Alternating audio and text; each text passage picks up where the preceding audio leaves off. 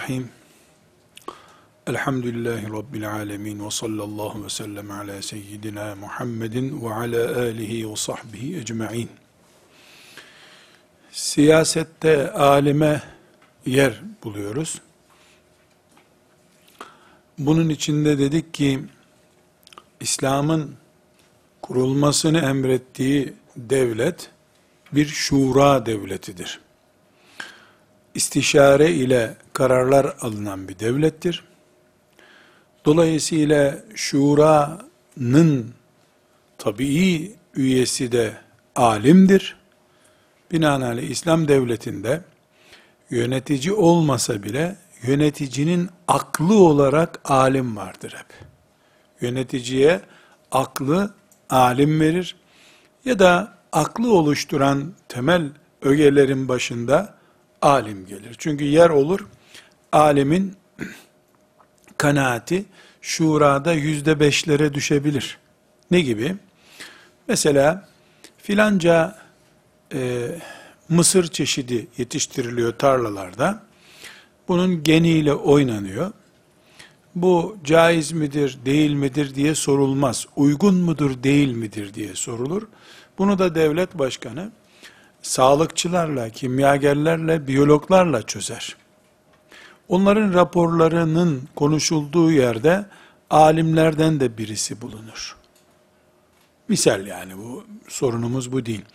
Alim, e, fıkıh bilen, hadis bilen, tefsir bilen alim her şeyi kararlaştıran insan değil. Çünkü daha sonra inşallah göreceğiz. E, şura hayatı İslamlaştırmaktır. Ama bu İslamlaştırma hayatı sadece fıkıhtan ve hadisten ibaret yapma değildir. Filan trafik e, karayolunda sürat ne kadar olmalı, kaç kilometreye izin verilmeli sorusuna müfessirler karar vermezler. Bu teknoloji ile ilgili bir birimin raporu ile ortaya çıkar. Ondan sonra da fakih alim bu raporu inceler. Şeriatla zaten bir alıp vereceği yoktur bunun. Bu sürati aşan yani bu rapordaki ilkelere göre belirlenen işte 120 kilometre mesela süratten fazla giden vebale girmiştir der. Alim her yerde var ama bazen etkisi yüzde 98'dir, bazen yüzde 8'dir. Hayat neyi gerektiriyorsa şura meclisi onu yapacaktır. Burada biz şu bulunduğumuz noktada alim ve siyaseti bir önceki derste alimin iş yapacağı İslam devletinde ki yeri itibariyle dikkate aldık. Şurayı bir yere oturttuk. Şimdi şuranın içinde alimi anlamak için şura nedir bunu çözmemiz lazım. Ne yazık ki kardeşlerim, şura, namaz ve zekat gibi bir kelimedir Kur'an-ı Kerim'de. Biraz sonra göreceğiz inşallah. O kadar ki şimdi biz bunu İslam devletinde yapısal uygulamalardan birisi diye anlatmak zorunda kalıyoruz. Bu kelimenin, şura kelimesinin okuduğumuz Kur'an'da sure ismi olduğu halde gündemimizde olmaması hayra işaret değil. Şimdi birisi diyecek ki bu bir abartı. Neden? Ya ortada İslam devleti yok, şurası nereden olsun? Buna cevabımız İslam devletinin karakteri de şuradır. Müslüman ailenin karakteri de şuradır. Müslüman bir sahipli şirketin karakteri de şuradır. Ve ve Müslümanların zekatıyla, fitresiyle, himmetiyle kurulmuş bir vakıf ve dernekte de şuradır karakter. Müminler kendi görüşlerini despotlaştırmazlar. Bir tarikatta da şura ile tarikat yürümelidir.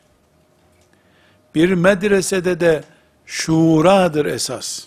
Çünkü şura Müslüman karakteridir. Müslümanın devletinin de karakteridir böylece. Bunun altını mı çizeriz? Kenarına simge mi koyarız bilmiyorum. Bunu unutmuyoruz.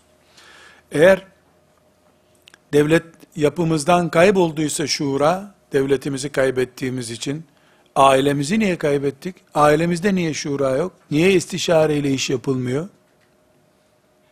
Niye vakıfımızda, derneğimizde şura olmuyor? Şura sadece İslam devletinin yapısal tarzı değil ki Müslümanın bulunduğu her yerde şura vardır.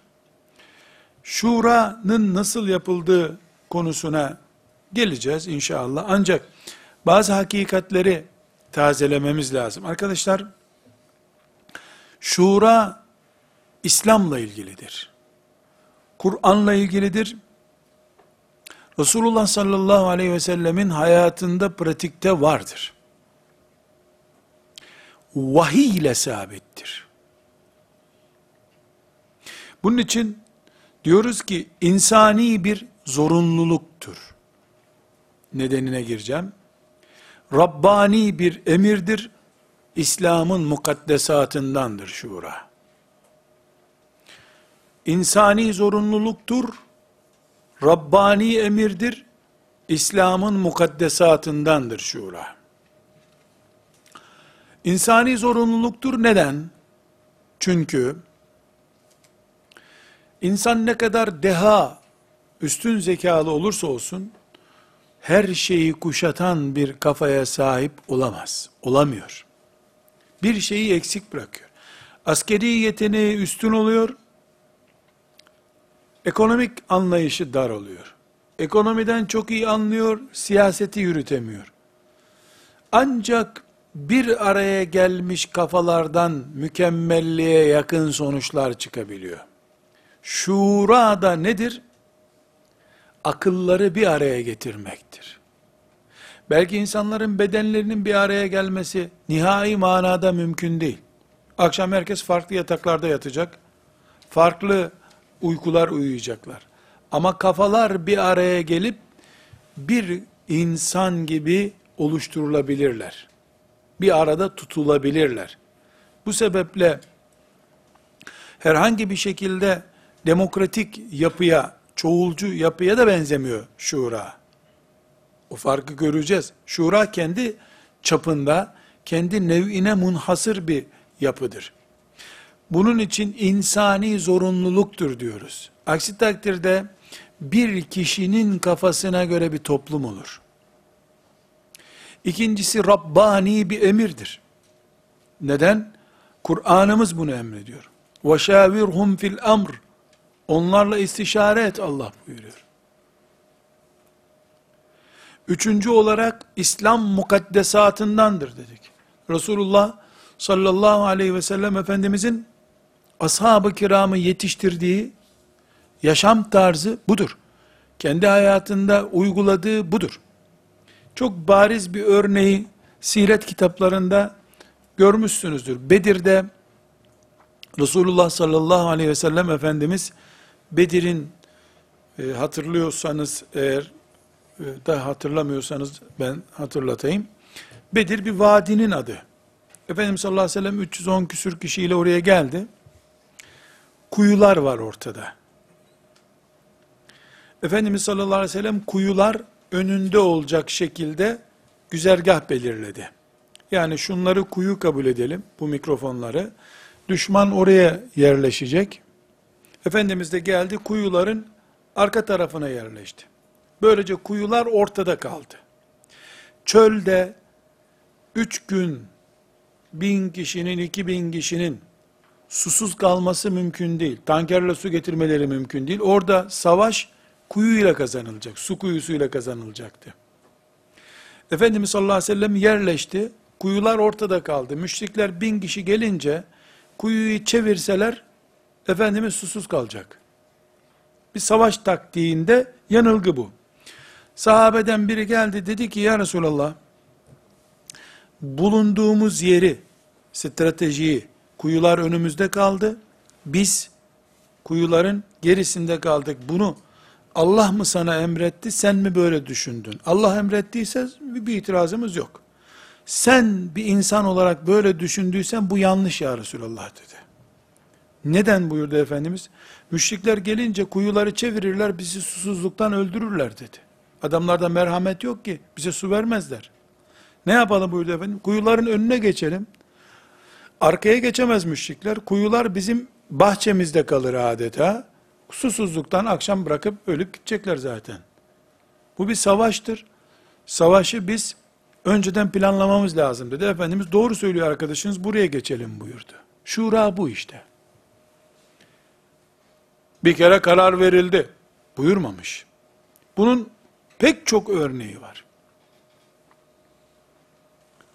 Bu örnekler Resulullah sallallahu aleyhi ve sellem Efendimizin ashabını bu şura mantığı ile yetiştirdiğini gösteriyor. Aksi takdirde bir sahabi peygambere üstelik de Bedir gibi bir yerde oraya geçelim ya Resulullah diyebilir mi? Ama ifadeye dikkat ediyoruz. Allah mı emretti yoksa senin görüşün mü bu ya Resulullah diyor. Demek ki Allah'ın emri şura muğra olmaz bir daha. Allah emrettiyse kullar toplanıp bu ayeti yönlendirelim diyecek halleri yok. Yok, peygamber olarak değil de bir insan olarak böyle bir proje çizdiysen, bu insan olarak eksiktir, bunu böyle yapalım diye tavsiyede bulunuyor. Şura budur. Bununla ilgili pek çok örneği vardır. Aleyhissalatü vesselam Efendimiz. Hendek'te Selma'nın teklifini kabul etmiştir. Uhud'da e, şuraya uymuştur. O şura pahalıya mal olmuştur. Uhud faciası nedeni olmuştur. Ama her halükarda Efendimiz daha sonra züppe herifler gördünüz mü sizin yüzünüzden böyle oldu demedi hiç kimseye. Şura yapıldı. Gençler çıkalım dediler. Hatırlarını kırmadı. Bedeli ağır oldu. Bir kere karar verilince feize azemte fetevekkel alallah. O karar bir kere verildi. Bozmadı kararını bir daha. Ayıplamadı, kınamadı da. Şura'nın en tabii gereklerinden biri ya işte siz bizi kandırdınız oy birliğiyle bunu yaptınız demedi. Seçimde bedelini ödemek diye bir şey de yok. Çünkü herkes Allah için e, fikrini belirtiyor. Bu belirtme sonucunda da e, hakka isabet ettik, hakkı bulduk diye düşünülüyor. Burada arkadaşlar şuranın zihnimizde oturmasını istiyorum ama konumuz değil bu sebeple fazla üzerinde duramıyorum küçük işaretlerle yapıyorum. Şura İslam devletinin de karakteridir. İki çocuklu veya çocuksuz karı kocalı bir ailenin de Müslümansalar karakteridir. Bir şirket Müslümanların tarafından yönetiliyorsa şirketin karakteridir. Ve bir vakıf, bir dernek şura mantığı ile yönetilmedikçe de adı Kur'an'a hizmet vakfı da olsa öyle değildir o. Kur'an'ın 114'te birini reddetmiş bir vakıftan İslami vakıf olur mu? Şura, sesi çok çıkan, gürültü çok yapan, vakfa çok yardım edenin ne dediğine bakmak da değildir. Yetkilinin, mümin kardeşlerinin görüşüne dikkat etmesi demektir. Bu dikkatin ayrıntılarını görüşeceğiz. Kur'an-ı Kerim'in 114 suresi var. Bildiğiniz gibi. Bu 114 sureden bir tanesi de Eşşura suresidir. 38. ayetinde şura kelimesi geçtiği için şu sure bu isimle anılıyor. Allahu alem. Çünkü surelerin isimleri Efendimiz sallallahu aleyhi ve sellem tarafından verildiğinden bu isimler niye verildi, nasıl verildi bilmiyoruz bunu. Ama Eşşura Kur'an-ı Kerim'in mübarek surelerinden bir suredir. Ayet-i Celile 38. ayet okuyacağız. Üzerinde duracağız zaten. Ama bir şeyi unutmuyoruz arkadaşlar. Şura suresi Mekki surelerdendir. Bak bunları iyi not ediyoruz. Şura suresi Mekki surelerdendir. Yani Mekke döneminde inmiş. İslam devleti ise Medine'de kuruldu. Bazı emirleri Allahu Teala'nın Medine'de uygulandığı halde Mekke'de emredildi. Bu Şura suresi de Mekke'de gelmiş surelerdendir. Medine'de İslam devleti kuruldu. İslam devletinin yapısal tarzı olan şurayı Allah henüz devlet kurulmadan emretti. Namaz gibi. Zekat da öyle. Mekke'de emredildi, Medine'de uygulandı. Çünkü İslam devletini Müslüman kuracak. Müslümanın kafasında şura oturmadan İslam'ın devletinde şura nasıl oturacak?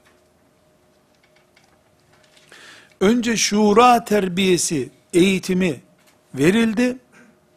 Bu hazmedilince Allahu Teala bereketiyle İslam devletini şura devleti olarak peygamberinin kurulmasını müyesser kıldı. Şimdi 38. ayeti dinleyelim. Euzu billahi mineşşeytanirracim. Bismillahirrahmanirrahim.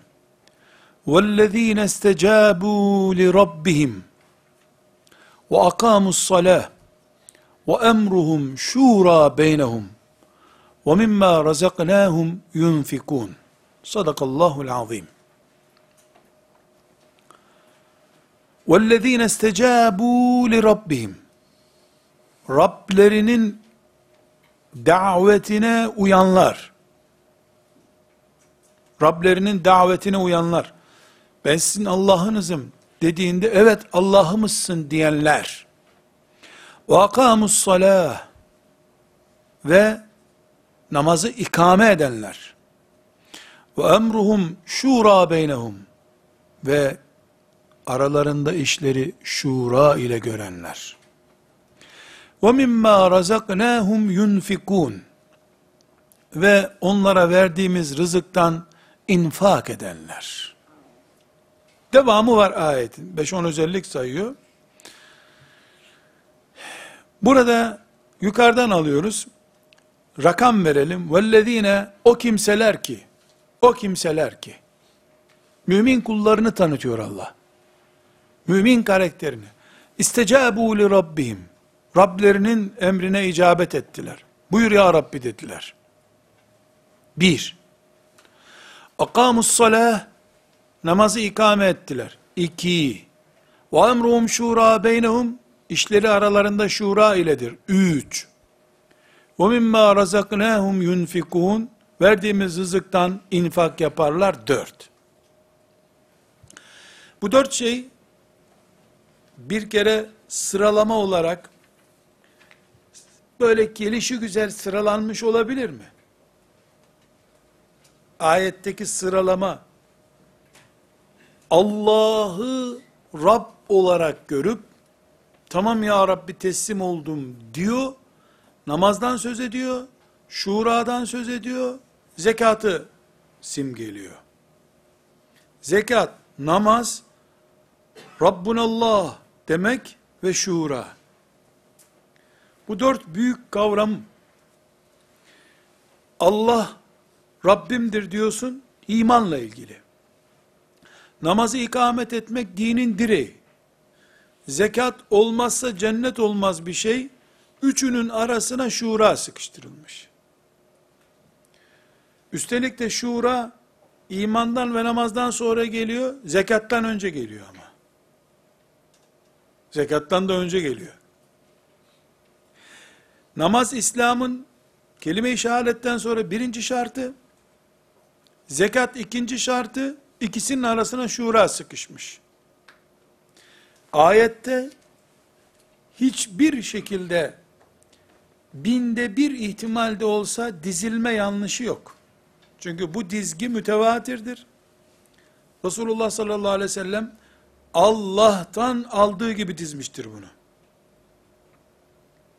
O zaman şura İslam'ın mukaddesatındandır. Rabbani emirdir. insani zorunluluklardandır dediğimizde buraya dayanıyoruz biz. Bir vakıf, bir dernek, İslami çalışmalar yaparken, bu İslami çalışmaları sadece gençleri hafız yaparak yapabilir mi? Sadece gençlere işte cihat eğitimi, cihat filmleri izleterek yapabilir mi?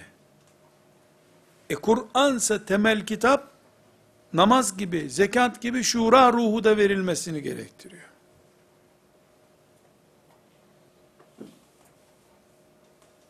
Bir hafızlık hocasının,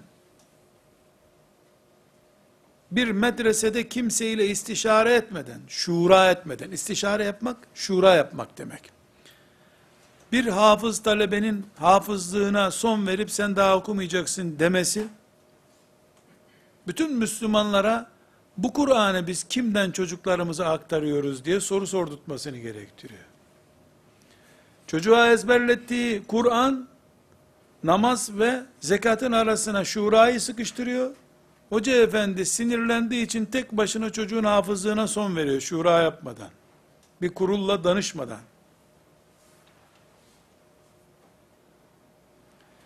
Bugün başımızda bir Siyonizm belası vardır. Şüphesiz. Ama bizim şeriatımızın temellerine ters düşen tavırlarımız da fena bir Siyonizm hareketi değildir. Bizim Siyonistliğimizdir bu da. Eğer Allah'ın şeriatını hafif görüyorsak.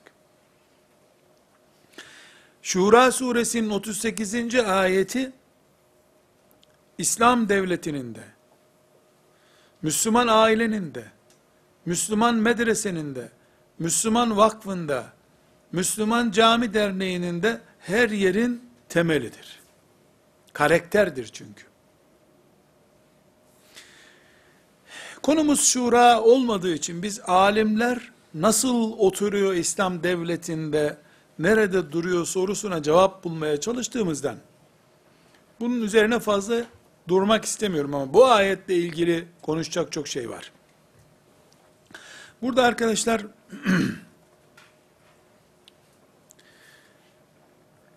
Ali Emran suresinde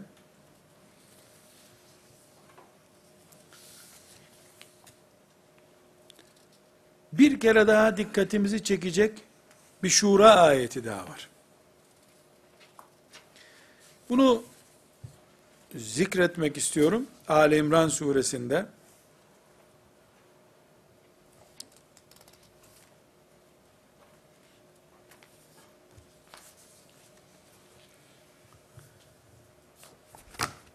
Allahu Teala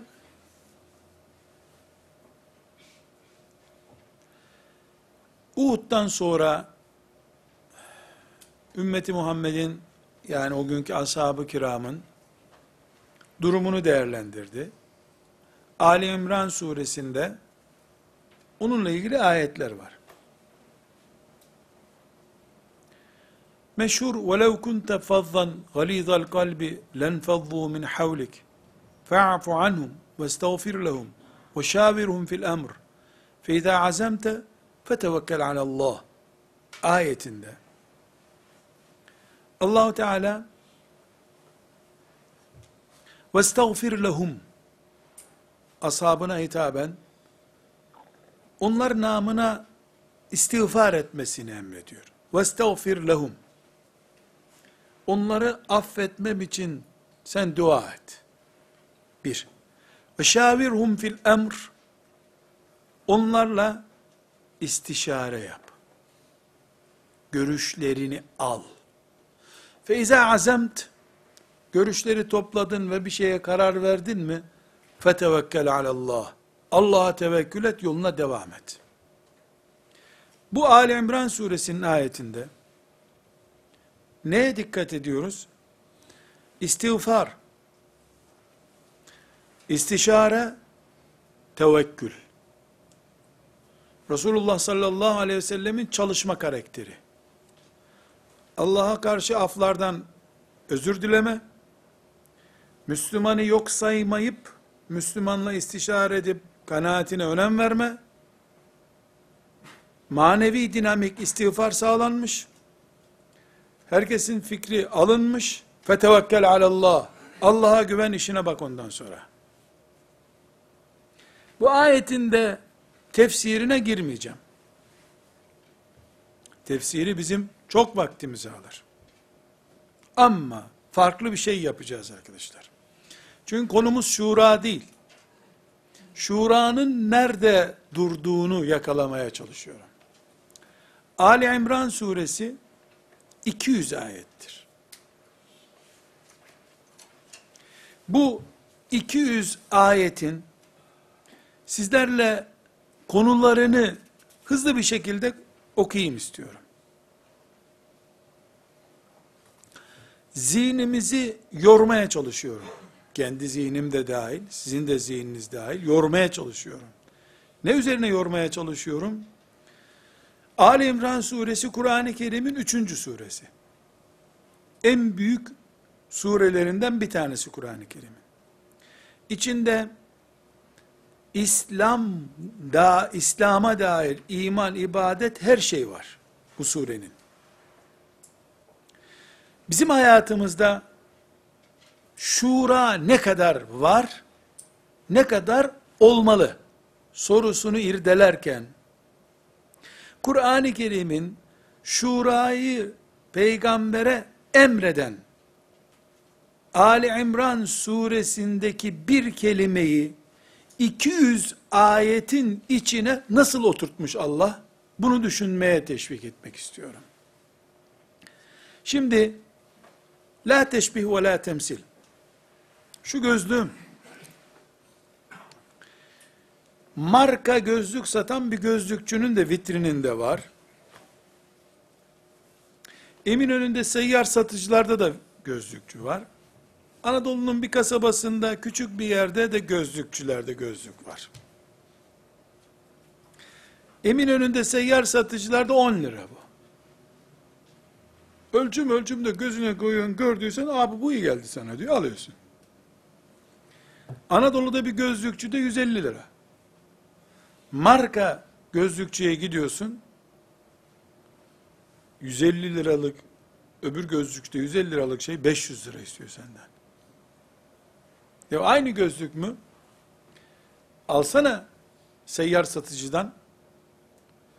Niye insanlar marka bir mal tüketmek istiyorlar? Nefsani sebepleri var ama garantili, bu adamın buraya koyduğu bu gözlüğün taklit olması söz konusu değil. Bir sürü sebepler var. İç mutmainlik var. Şimdi benzetmeme geliyorum. Arkadaşlar eğer müminsek elhamdülillah, müminiz bihamdillahi teala, Taftazani'nin Nesefi akidesinin şerhi diye kitabında Taftazani'ye ait bir görüşü, bir cümleyi biz alırız. Saygıyla, hürmetle karşılarız. İbn Abidin'in Raddül Muhtar isimli kitabında bir cümleyi İbn Abidin'den alırız, saygıyla karşılarız ümmetimizin alimleri. Bunu da bir kenara koyarız. Ali İmran suresinden bir ayeti alırız. Taftazaniye İbn Abidin'e ayırdığımız masaya koymayız onu. Bu Allah'ın sözü deriz. İmanımız bunu gerektiriyor. Onun için bir takvim yaprağında bugün bir atasözü, öbür gün bir ayet çıkıyorsa ben evime sokmuyorum o takvimi. Ayetle atasözünü aynı tutuyor bu diye. Ayetler Rabbimizin kulaklarımıza dökülen, gözlerimize sürmelenen sözleri olduğuna göre bugün hem şura konusunu kavramış olmak hem de Rabbimizin kitabında bir surenin içine bir kelime konarak ümmeti Muhammed'i kıyamete kadar idare edecek bir sistemin adı olan şura hangi marketin vitrinine konuyor bunu göstermek istiyorum. Bir bunu anlasak sadece Kur'an'ımıza bakış gözümüzü yeniden ayarladık demektir Allah'ın izniyle. Biiznillahü Teala. Bugün bir Müslüman olarak biz hala Kur'an'ımıza bu şekilde bakamıyorsak, bu bizim altyapımızın, teslimiyet anlayışımızın, Rabbimizin kitabı derkenki samimiyetimizin sorunudur. Bu sebeple kardeşlerim, Ali İmran suresi, Fatiha suresinden ve Bakara suresinden sonraki üçüncü suredir. 200 ayettir. Bu 200 ayetin içinde istişareyi peygambere emreden ve şavirhum onlarla istişare et. İstiğfar et, manevi gücün tam olsun. İstişare et, maddi sebebi tamamla ve tevekkül alallah. Şimdi Allah'a tevekkül et. Diyen ayet nerede oturuyor? Bunu anlamak için Maide suresini konu konu tarayalım istiyorum. 200 ayet çok vakit alır. Ama ayetler mesela 3 ayet işte bir o konuyu anlatıyor. 2 ayet bir konuyu, 6 ayet bir konuyu bu şekilde bir fiirisledim. Ali İmran suresi temel fiiristini çıkardım. Bunu yaparken de şuraya şeriatımızın verdiği değeri çıkarmaya çalışıyorum. Çünkü iddialı bir cümle kullandım. Bu cümle önceki kitaplarda filan rastlamadım ben. Okuduğum kitaplarda. Bana ait bir şey, bu bana bir fatura ödetir. Nereden buldun bunu denir diye. Ben de nereden bulduğumu gösteriyorum. Mukaddesattandır. Rabbani emirdir, insani zarurettir. Mukaddesata bir şeyi koymak, e, iddialı bir cümle, ben koyarsam haddimi aşmış olurum. Rabbim Ali İmran suresinin içine koyduysa zaten orada duruyor. Ben bir şeyi bir yere koymuyorum. Şimdi konuları Ali İmran suresinin temel konularını bakalım. O konuların sadece başlıklarını sonra toplayıp şurayı bir yere koyacağız. 1 ve 6. ayetlerinde Allahü Teala tevhidi ve kitap indirmeyi bahsediyor. Ali İmran suresinde. Birinci ve altıncı ayetlerde tevhid, Allahu la ilahe illa huvel hayyul kayyum, nezzele aleykel kitabe bil hak diye başlayan ayetlerde bir ve altıda tevhid var. Ve indirdiği kitaplar var Allah'ın. Bu kitapların mahiyeti var. 7 ve 9. ayette Kur'an-ı Kerim'in muhkem ve müteşabih ayetleri var. Siz isterseniz bir kenara şöyle yazın. Tevhid ve kitap. Muhkem ve müteşabih. 10 ve 13. ayetlerde kafirlerin akıbetinin ne olacağı anlatılıyor. 14. ayette insanlara Allah'ın şehvet yüklediğini, bu şehvetler üzerinden insanları imtihan edeceğini anlatıyor. Hayatın içinden gitti. Tevhid, kitap, muhkem, müteşabi, kafirlerin sonu ve insanın fıtri yapısı olan şehvetler. 15 ve 17. ayetlerde cenneti anlatıyor Allah. 18 ve 20. ayetlerde Allah'ın vahdaniyetinden söz ediliyor. Buna da vahdaniyet diyelim. 21 22. ayette Yahudilerin peygamberleri öldürdüğünü ve peygamber öldürmenin, peygamberlere silah doğrultmanın cezasının ne olacağını anlatıyor. 23 ve 25. ayetlerde Yahudiler ve Hristiyanların durumu ehli kitap anlatılıyor. 24 e, estağfurullah 26 ve 27. ayetlerde Allah'ın kudreti anlatılıyor. Cümlelere dikkat edin arkadaşlar. Tevhid, muhkem müteşabih, kafirlerin akıbeti, şehvetler, cennet, Allah'ın vahdaniyeti, peygamber öldürmek, ehli kitap, Allah'ın kudreti. Devam ediyoruz. 28 ve 30. ayetlerde bakıyoruz ki, kafirlerle işbirliği yapmanın akıbetini anlatıyor allah Teala. Mümin ve kafir bloklaşmasında kafirden yana tavır koyanları bahsediyor.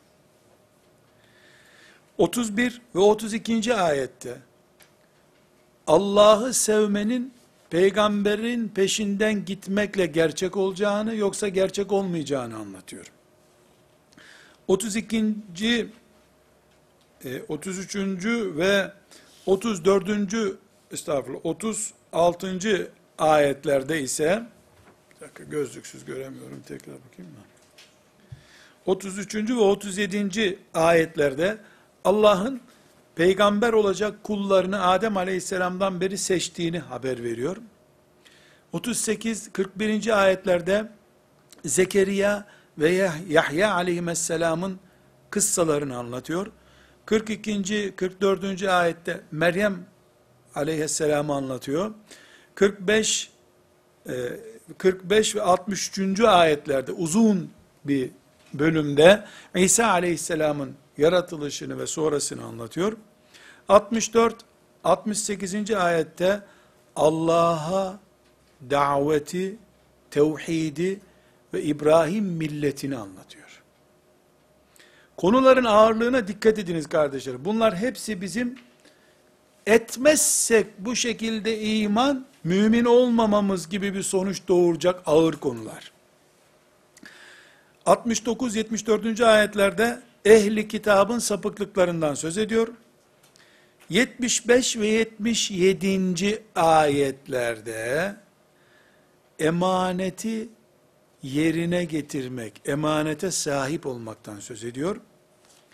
77. ayette yine Yahudilerin sahtekarlıklarından söz ediyor. 79 ve 80. ayette ehli kitabın peygamberlere nasıl iftiralar ettiğinden söz ediyor. 81. ve 83. ayette Allah Teala peygamberlerle yaptığı sözleşmeden söz ediyor.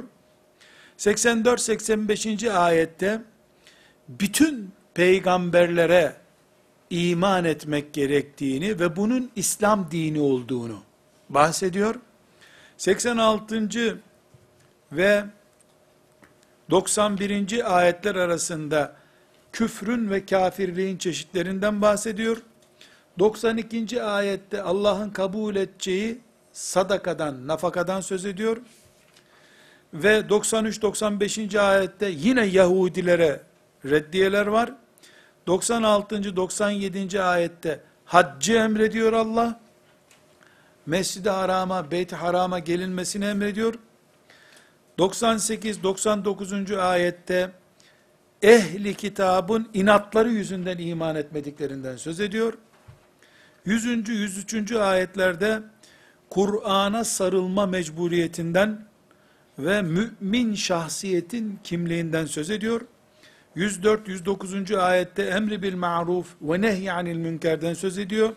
110 113. ayette ümmeti Muhammed'in insanlık için çıkarılmış en hayırlı ümmet olduğunu anlatıyor. 113 115. ayette bir kere daha Yahudilere ve Hristiyanlara reddiyeler var. Onların Allah'ın kitabıyla nasıl oynadıkları anlatılıyor. 116 117. ayette kafirlerin yaptığı işlerin kabul olmayacağını, boşuna çalıştıklarını Allahu Teala anlatıyor. 118 120. ayetinde müminlerle kafirlerin ilişkilerinden bahsediyor. 121 129. ayetlerde Uhud gazvesi anlatılıyor. 131 136. ayetler arasında faiz, Allah'a ve Resulüne itaat ve mümin ahlakından söz ediliyor. 127 141. ayetlerde müminlerin aziz olduğunu yalanlayan sahtekarların da zelil olacağını anlatıyor. 142 148. ayette cihat, ölüm ve Allah yolunda ayakta durmak, düşmemek gerektiğinden söz ediyor. 149 151. ayetinde Allah'a iman edenlere kafirlere uymayın diye ikaz var. 152. ayette burada incelterek devam ediyoruz. Biraz daha hassas ölçüleri. 152. ayet, 153, 154, 155. ayette Uhud'daki mağlubiyetin nedeni anlatılıyor. Niye mağlup oldu müminler orada? O anlatılıyor. 156, 157, 158. ayette cihat konusunda cihat konusunda münafıkların propagandasından etkilenmeyin diyor. Münafıkların propagandasından etkilenmeyin diyor. Bak şimdi. 155'te Uhud'da niye mağlubiyet oldu onu anlattı. 156, 157, 158'de münafıkların propagandasından etkilenmeyin dedi. 159, 160. 160. ayette de şura yapın buyurdu. 159 ve 160. ayetlerde de biraz önce okuduğum bir bölümünü okuduğum ayette Peygamber Efendimizin ashabına nasıl davrandığını, yumuşak davrandığını, onları affettiğini, onlarla ilgili istişare yaptığını ve Allahu Teala bunun üzerine e, onlara e, zafer vaat ettiğini ve tevekkül ederlerse bu tevekkülün müminlik gereği olduğunu 159 160. ayet. Şimdi arkadaşlar yukarıdan beri listeyi getirdik. Bu mübarek surenin konularını konu konu ele aldık, aldık, aldık. 155. ayete geldik. Uhud'daki yenilgi neydi? 158. ayete geldik. Münafıkların propagandasından etkilenmeyin. 160. ayete geldik. Onlarla istişare et buyurdu.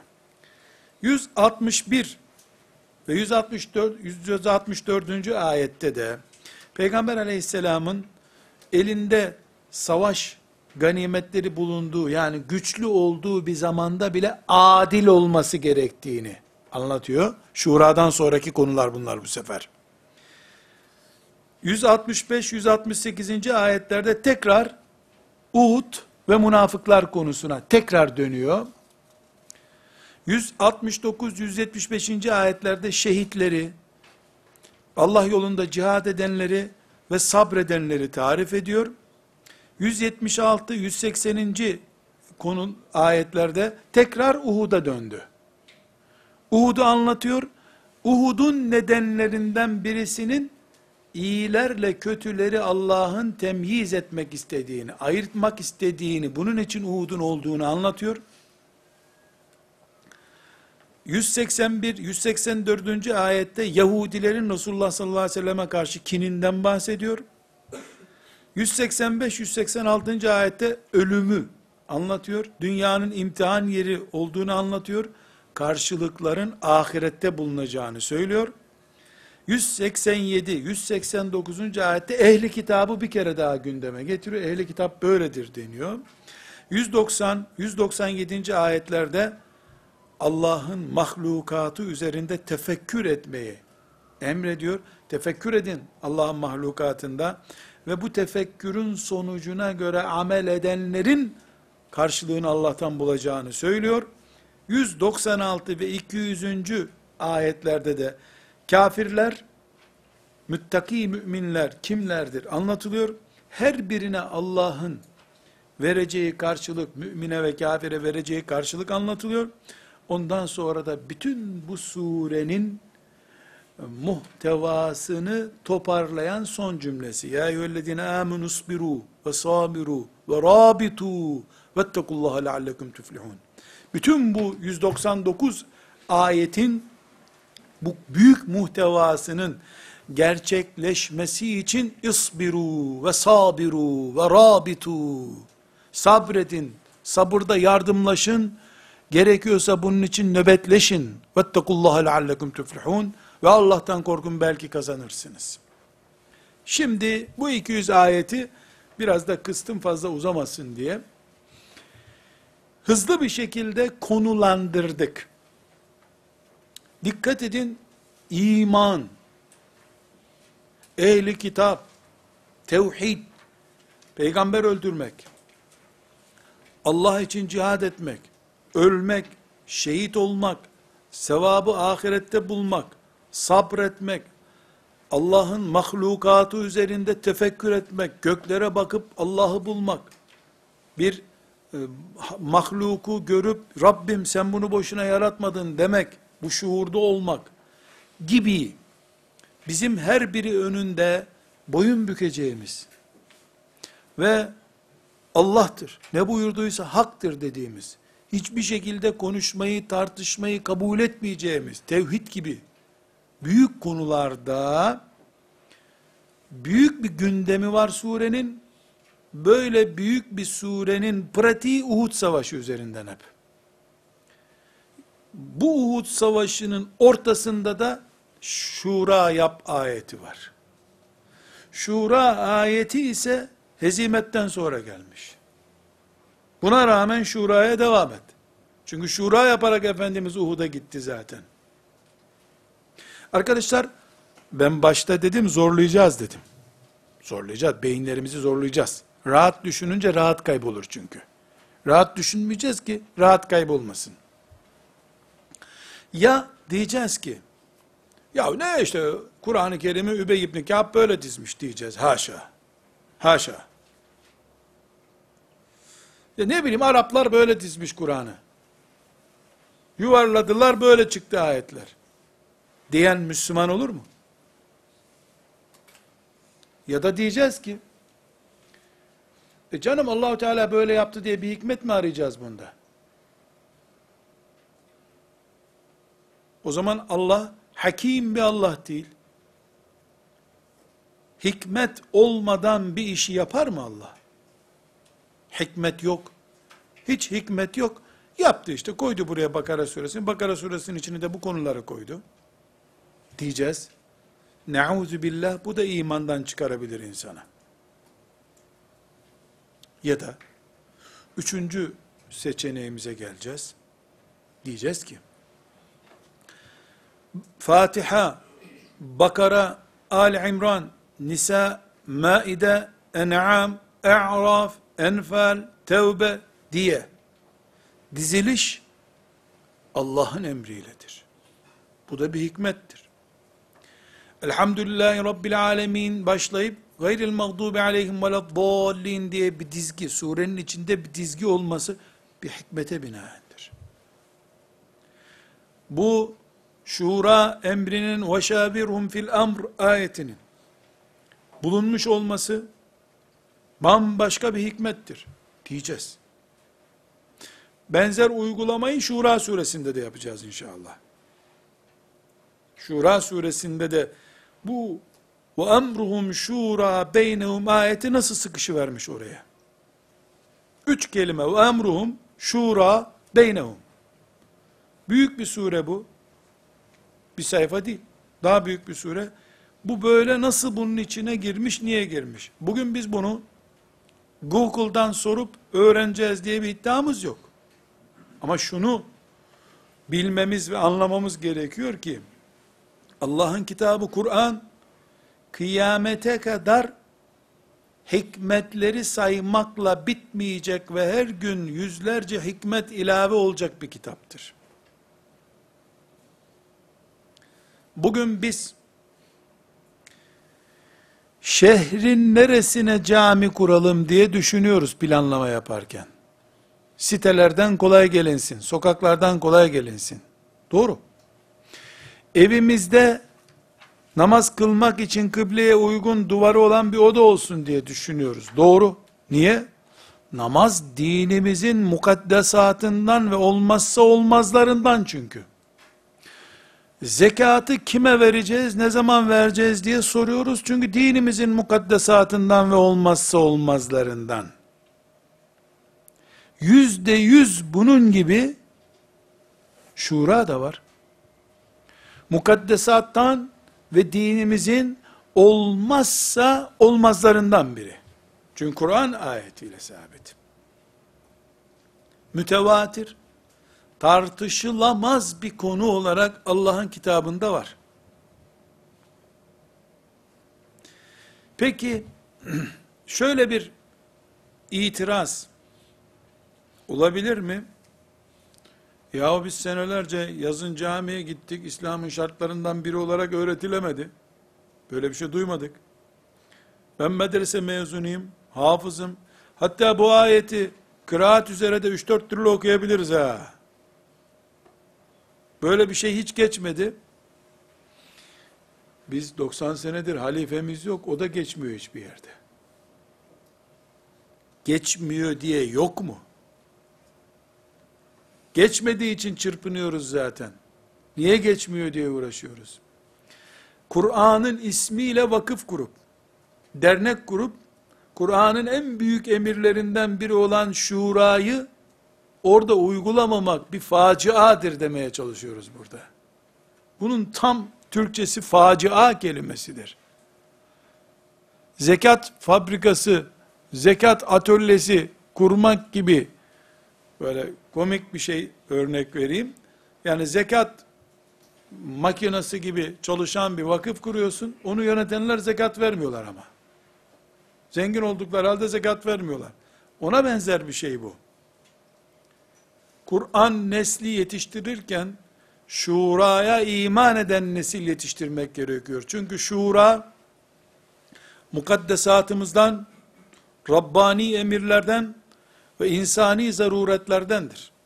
Evde, vakıfta, dernekte, medresede, camide bütün bunlar toplumu yansıttığı için o toplumun kurduğu da devlette Allah'ın izniyle.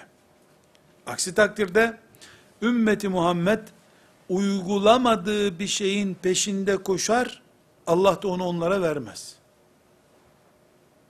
Kafirler İslam devletinden söz ederken kol kesen devlet diyorlar.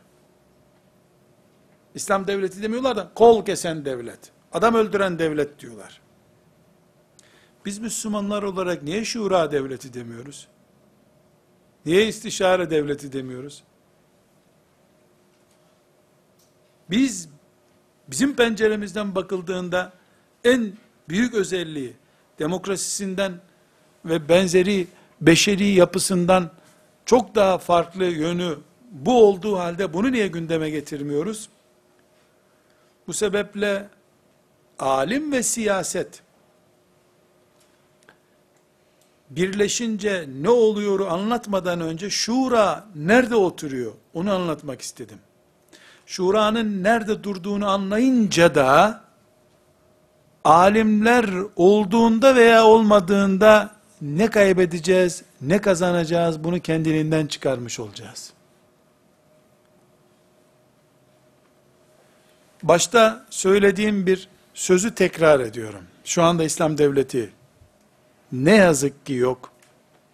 Yarın kurulur, İslam devleti kurulmaz, hiç önemli değil. Ben inşallah yarın kalktığımda sabah namazına İslam devleti kurulmuştur muhakkak diye iman ve heyecanla yatağa giriyorum. Ömrüm yeter yetmez hiç önemli değil.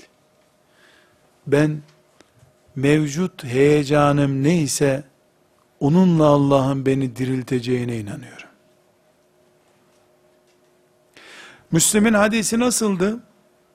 Bir imama beyat etmeden, gönül vermeden ölen cahiliye ölümü üzere ölmüştür. Böyle bir şey şu anda mümkün değil dendiğinde ne cevap veriyoruz biz? Doğru mümkün değil. Ama müminler hasretleri ve sevdaları üzerinden Allah'a giderler.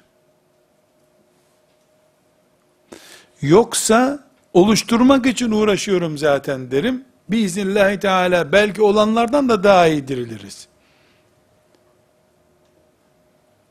Abdülhamid rahmetullahi aleyhi ve gafere leh zamanında koca koca sarıklı adamlar, müfessirler filan bütün dünyanın şer güçleriyle sabah akşam kavga eden Abdülhamid'i darboğaz yaptılar. Onlar güya bir halifeye beyat etmişlerdi. Halifenin hal'ine bile karar verdiler. Ondan sonra da ümmet halifesiz kaldı bir daha. İttihat terakkicilere götürüp teslim ettiler halif, hilafeti. Onların öyle bir göstermelik halifeye beyatlarından iyidir benim hasretim. Çünkü ben Ömer bin Hattab'a beyat etme hasretiyle yatıyorum her gece. Sabahleyin de öyle kalkıyorum. Bakıyorum ki güneş gene doğmamış. Öbür akşam yatıyorum, sabahleyin kalkıyorum güneş doğmamış. Kazara benim içimi açsa melekler, Ömer bin Hattab'ın elini öperken görecekler beni beyat diye. Böyle ölmek istiyorum. Bu hasretimle Rabbime kavuşmak istiyorum. Omuzlarımda ümmetiyle ilgilenmemiş bir Müslüman, ümmetinin siyasetini yok saymış, dünyayı tanımamış bir Müslüman olarak bir yük bulunmasın diye. Elbette burada biz toplanıp, yarından itibaren ümmetin başını dibini ilan edelim diyecek halimiz yok. Bizim kudretimiz buna yetmez. Yetmeyebilir de, milyarlarca müminin de yetmeyecek belki. Ama Allah, niyetlere göre, gayretlere ve heyecana göre diriltecekse ki biiznillahü teala öyle olacak. Öyle öğrendik kitabımızdan. Bunu bu şekilde alıyoruz. Burada kardeşlerim tekrar vurguluyorum. Ali İmran suresinin o muhteşem büyük konuları arasında وَشَاوِرُهُمْ fil emr var. Dikkat ediniz Ali İmran suresinin 163. Ay 160. ayetidir ha desem görevim bitmişti benim. Ama bir farklılık yapıp belki derslerde dinlemeye alışmadığınız bir uslupla bakın nasıl ayet nasıl süzülüp çıkıyor. Bu fırından aldığın ekmek değil ta tarlada buğday tohum atıldığı süreçten başladık yoğrulup ekmek olup fırından çıkış gününü bakkala gelişini gösteriyorum ben sana. Şurayı ve herhangi bir emrini Allah'ın Kur'an'da bu mantıkla anlamak lazım. Mümin adeta, adeta, olur bir şey değil tabi, adeta levh-i mahfuzda sanki Kur'an'ın yazılı nüshalarını görüyor, bakıyor da hani enter tuşuna tıklıyorsun karşına çıkıyor ya ekranda. وَشَاوِرُهُمْ fil emr ayetini tıklayınca levh-i mahfuzdaki yerinden görüyor gibi olduğun zaman buna iman deniyor işte. Şey Ali İmran suresinde öyle ama aslında parlamenter sistemde bunun yerine geçer değil mi? Diyen de Müslüman. Şavirhum fil emr tuşuna tıklayınca levh-i mahfuzdaki o bölümü okuyan hameletül arşla beraber onu gözüyle görür gibi olanlar ee, o harise işte. Rabbimin arşını seyrettim diyen delikanlı o. İman da budur. Bu imana Allah bizi davet ediyor. Bu mantık üzerinden bakıldığında, şuranın durduğu yeri tespit edersen, şuranın dinamiği olan, alimin ne manaya geldiğini anlarsın.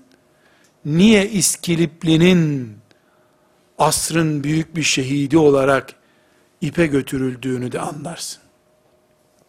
Rahmetullahi aleyhi ve gafara leh صلى الله وسلم على سيدنا محمد وعلى آله وصحبه أجمعين والحمد لله رب العالمين. قل إن كنتم تحبون الله فاتبعون